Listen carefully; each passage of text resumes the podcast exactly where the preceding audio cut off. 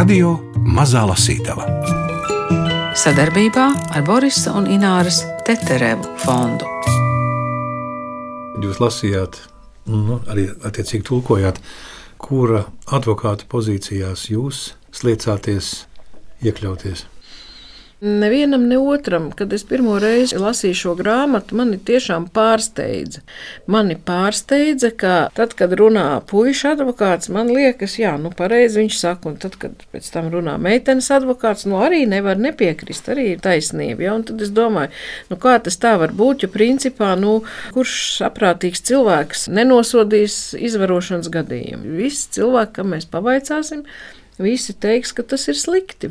Un tad, kad tiesā sāk runāt viens advokāts vai otrs, un tur sēž zvērinātie, un viņiem ir jāpieņem lēmums, ir bijis vainīgs tas cilvēks vai nav bijis vainīgs. Laipni lūgti Francijas zvērināto tiesā, kurā tiek izskatīts izvarošanas gadījums. Franču rakstniece Karina Tvila romānā tas ir tikai cilvēciski, nesērfo uz mītū viļņa, kā varētu iedomāties. To vēlāk uzsvers tulkotāja Inta Šmite. Bet vispirms eh, tulkotāja kopā ar aktieru Gundaru Āboliņu lasa, kā romāna nosaukums attēlots uz grāmatas vāka vienā vārdā. Vienā vārdā, vai tā ir drukas kļūda vai apzināti? Nu, droši vien apzināti. Nē, tā ir mākslinieka iecerē.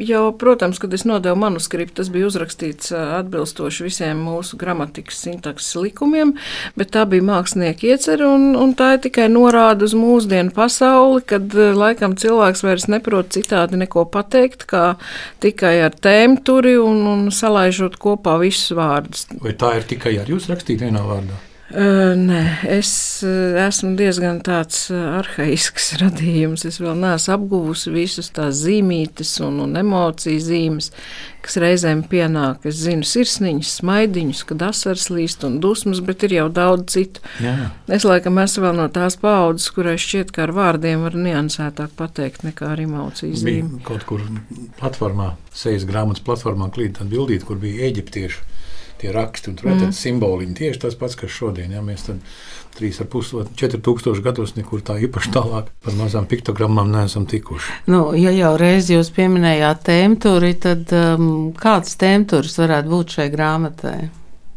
Piedod, kas ir tēmturis? Hashtags. Nu, Mūzikā paprasti. viņš uh, kā diesis izskatās. Jā. Nu, vienkāršāk par ko ir grāmata? Jā, tas ir vienkāršāk. Par ko? Var atbildēt divējādi. Var atbildēt īsumā izstāstot saturu, bet varbūt arī tādā veidā, lai nebojātu lasīšanas prieku, ja kādam interesē, ar ko tas beigsies. Runa ir par to, ka divi pavirši pazīstami cilvēki, puisis un meitene, vienā ballītē, gadās tā, ka viņi pārguļ. Un pēc tam tā meitene aiziet uz policiju un iesniedz sūdzību par to, ka viņi ir izvaroti. Nu, Džeks īsti nesaprot, vai viņam neliekas, ka kaut kas traks būtu noticis, bet meitenei tas bija tāds ļoti smags pārdzīvojums. Neapšaubām, jo tas nebija tas, kā viņi būtu gribējuši šo vakaru pabeigt. Bet, ja tā vispārinot, tad šo grāmatu varētu raksturot kā tādu mm, ilustrāciju tam, kā mēs runājam, tad, kad esam uzaicināti uz interviju, jo tur tieši tā galvenā varoņa māte, viņa ir eh, Francijā populāra slavena eseiste, un viņa tiek intervēta saistībā ar tiem traģiskiem notikumiem ķelnē, kad jaungada svinību laikā ļoti daudz sievietes piedzīvoja tādu diezgan brutālu izvarošanu un, un seksuālu uzmākšanos, un viņi to, protams, ļoti nosodīja. Ko mēs runājam un domājam tad, kad tas piemeklē mūs, un tad, kad viņi uzzina, ka viņas dēls tiek apsūdzēts izvarošanā, tad tas domu juceklis pa galvu ir pavisam citāds. Nu, mums ir grūti ieturēt tikpat principiāli nostāju reizēm. Es negribu teikt, ka visiem, es negribu teikt, ka vienmēr, un es negribu teikt, ka visos dzīves gadījumos, jo tomēr izvarošana tas ir eh, dramatisks vai pat traģisks mirklis cilvēka dzīvē, gan sievietei vai vīrietim, kuram jāpiedzīvo šī izvarošana, gan izvarotājam, ja, kuram pēc tam noteikti seko, ja ne tiesas piespriests sots, tad droši vien morāls gan. Tas būtu tā nepārāk īsi par šo grāmatu. Galvenie varoņi mēs droši vien tūlīt iepazīsimies vismaz ar varoņa tēvu. Jūs jau pieminējāt māti, kur ir esejists, tur jau ir uzreiz pieminēts, ka feministe, un tēvs ir slavens televīzijas žurnālists. Un dēls, dēls kuru tad grozās jā, liet, jā? jā, un dēls tiešām viņš ir iesācis eh, spīdošu karjeru kā students, studē Stanfordas universitātē, arī Francijas skolās un augstskolās. Viņam ir bijušas ļoti labas sekmes, tiešām paveras eh, gaišu nākotni. Bet, nu, iznāk tā, kā iznāk. Nu jā, jūs to mm, beigu akordu tomēr nesakiet. Nē, nē, nē es neteikšu, lai, lai nav. Gunter, tu sāksi ar tēvu, jā?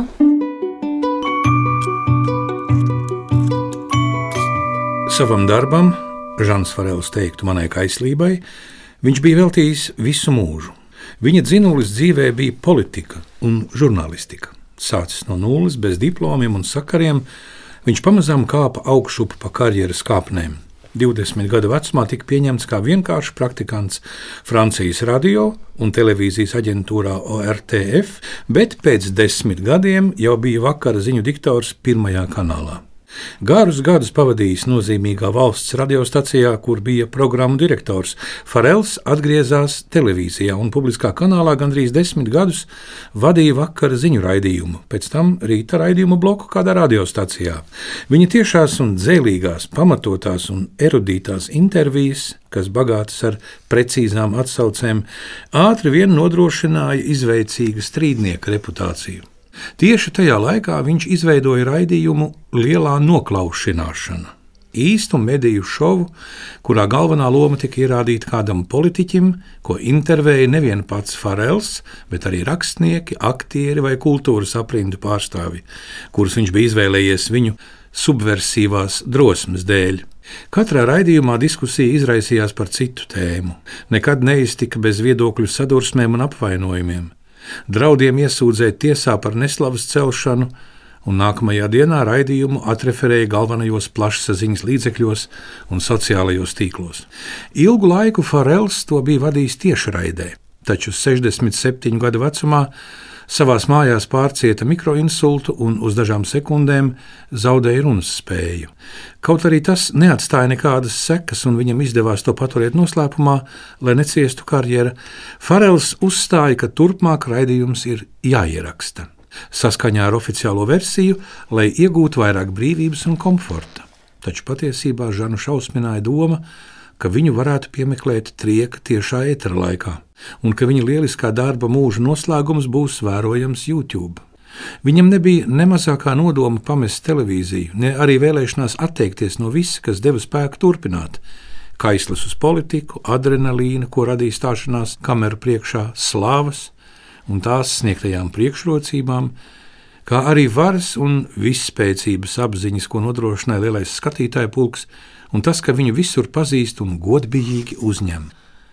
Farels gozējās televīzijas ekrānos, bet tagad katru rītu spogulī dzina pēdas ieprogrammētajam nolietošanās procesam, un tomēr viņš nejūtās vecs.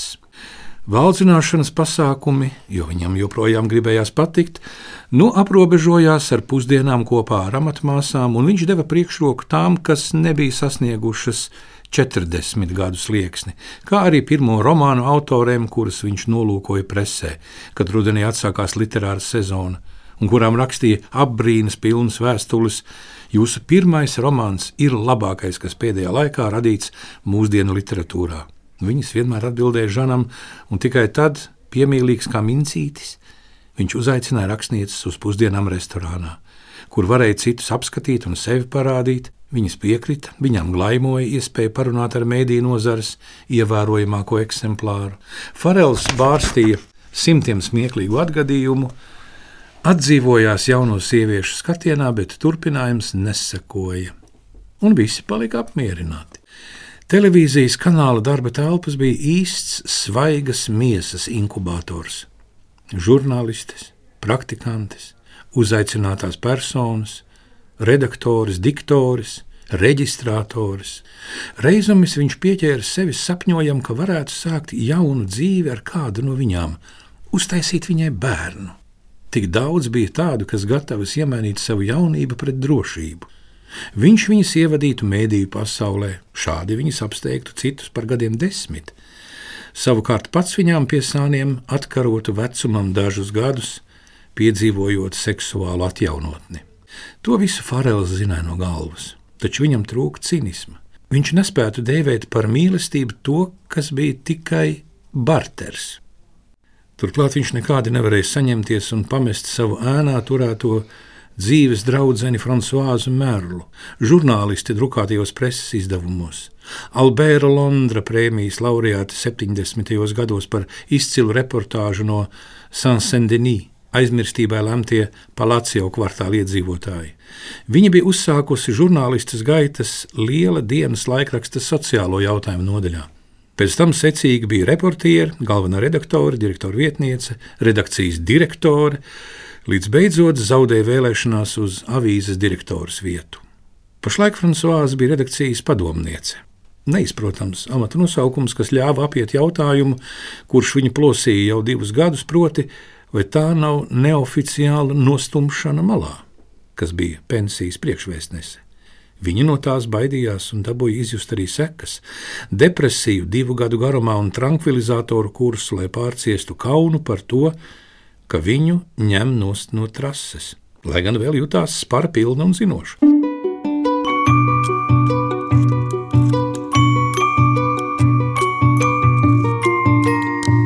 Radio Mazā Lasītava.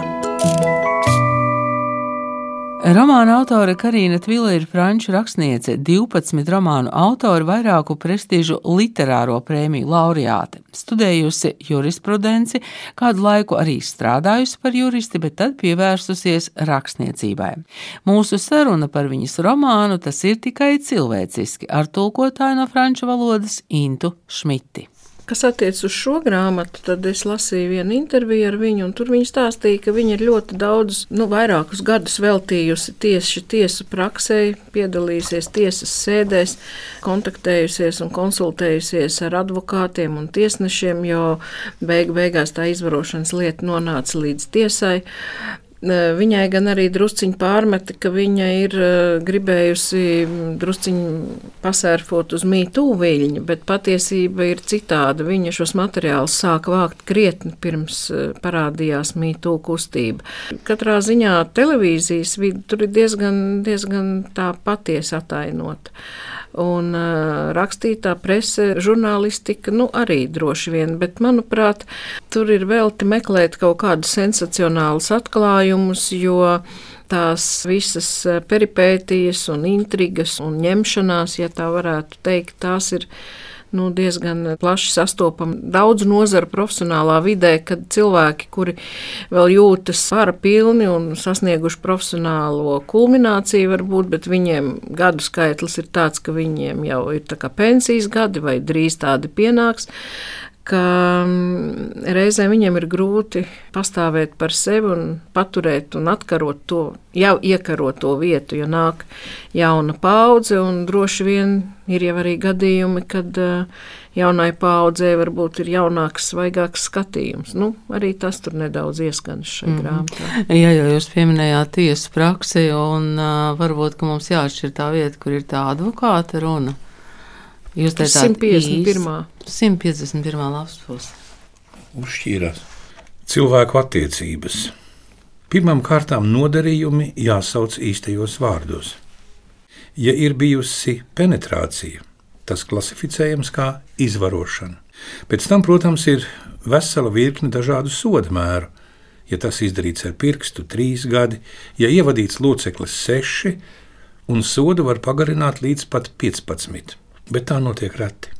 Ja aizdomās turamais līdz šim nav krimināli sodīts, ja viņam ir labs raksturojums un viņš nenāk no zemākajiem sabiedrības slāņiem un daudz nelecas, piespriestais termiņš var noslīdēt līdz diviem gadiem nosacīti.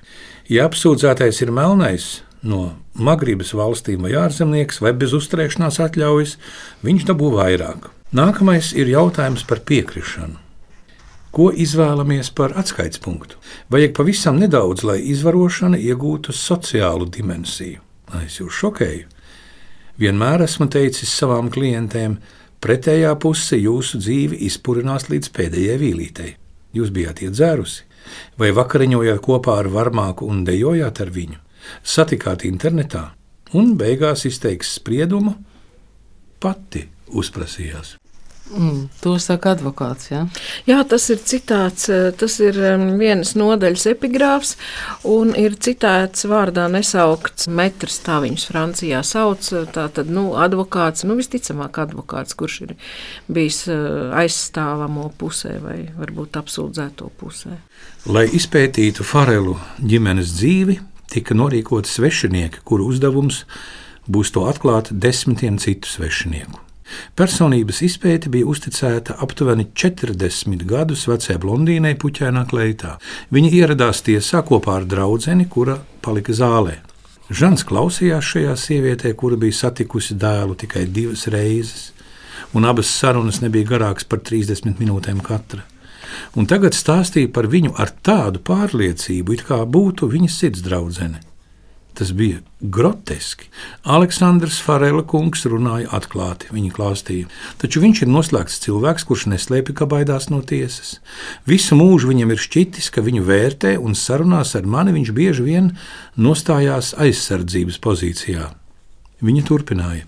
Aleksandrs ir vienīgais bērns ģimenē, māte ir pa pusē francūziete, pa pusē amerikāniete, tēvs ir Francijā dzimis francūzis.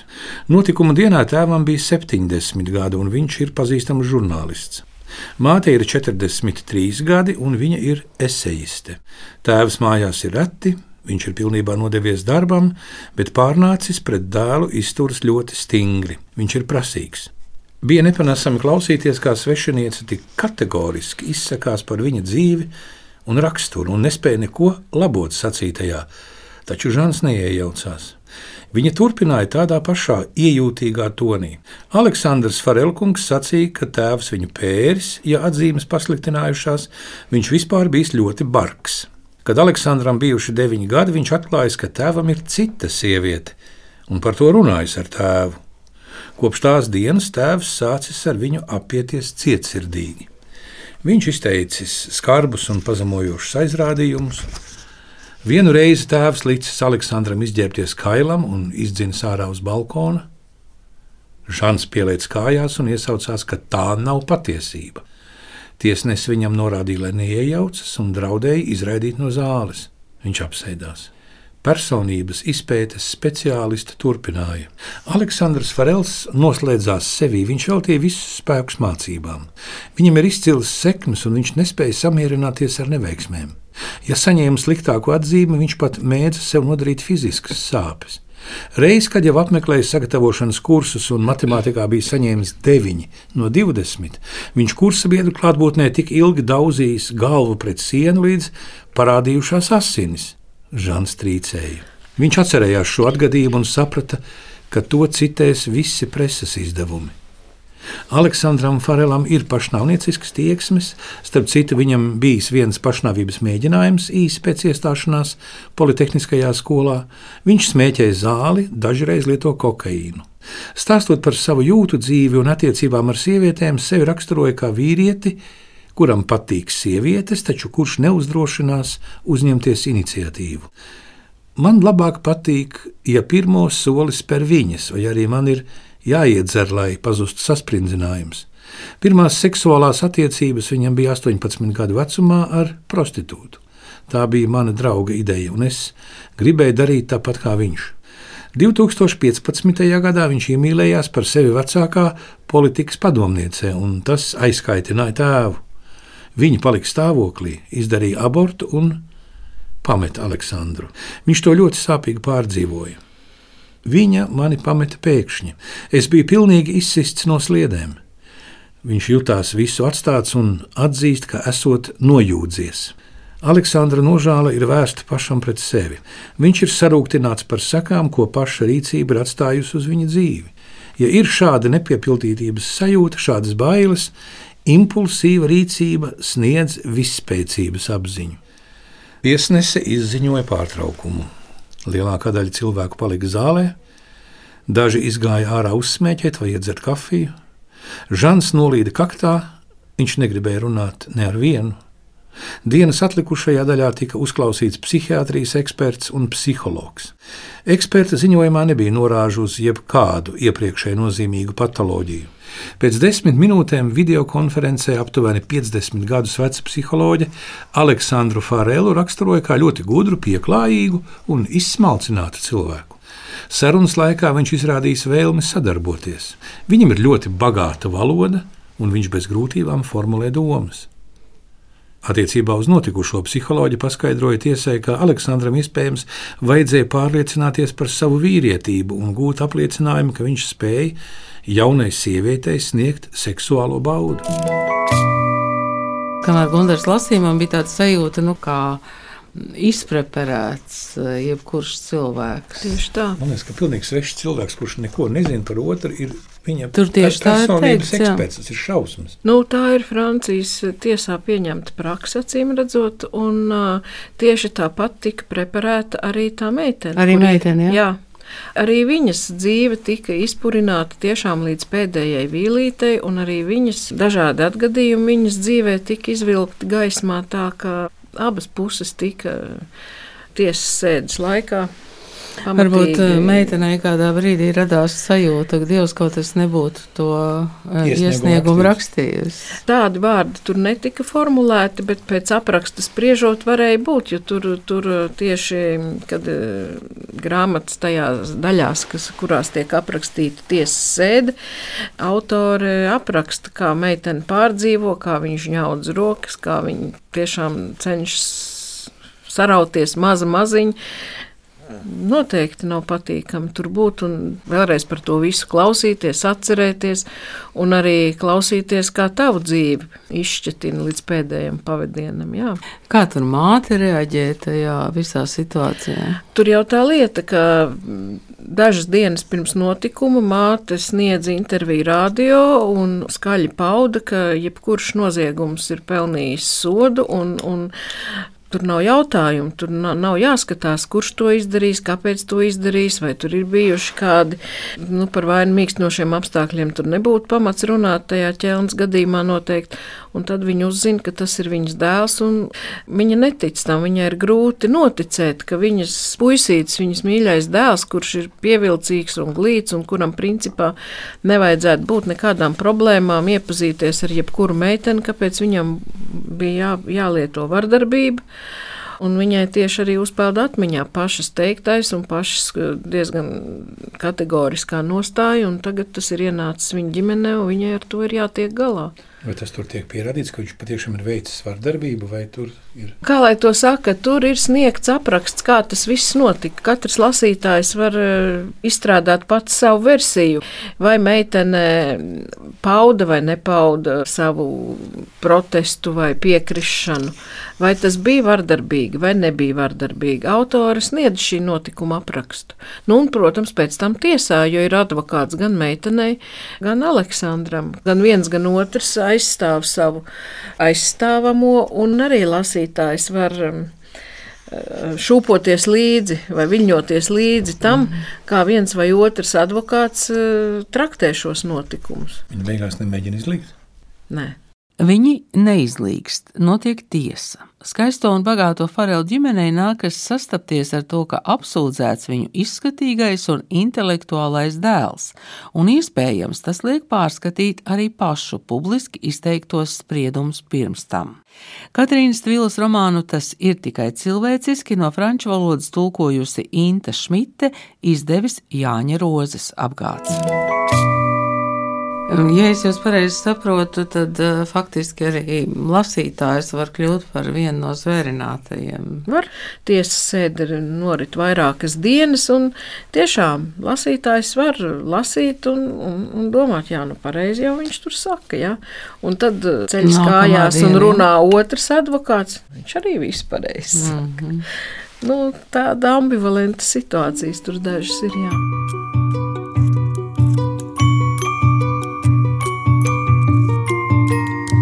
Radio Mazā Lasītava. Sadarbībā ar Borisa un Ināras Teterevu fondu.